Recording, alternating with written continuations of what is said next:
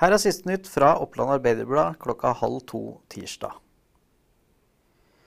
OA gir deg siste nytt fra næringslivet. Klikk deg inn på oa.no og få med deg det siste fra Gjøvik-regionen. Vi gir deg det siste fra datoene 28. og 29. april. Nå har Aitikin tatt over etter Hunndalen bar og restaurant. Under navnet Capri Hunndalen satser Aitikin Gyven videre i restaurantbransjen. Gå inn på oa.no og les mer om hans planer der. Lunder kommune har fått 75 000 kroner i bot for uforsvarlige helsetjenester. Det er politiet som har gitt Lunder kommune et forelegg, og bakgrunnen er overtredelse av helsepersonelloven. Det kan bli nok en sommer med drittlukt i Sørbyen i Gjøvik. Rambekk renseanlegg varsler om at det mest sannsynlig vil bli luktulemper fra anlegget også kommende vår og sommer.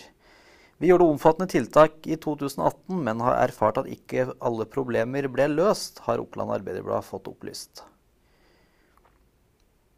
Fortsatt varetektsfengsling for Einamann.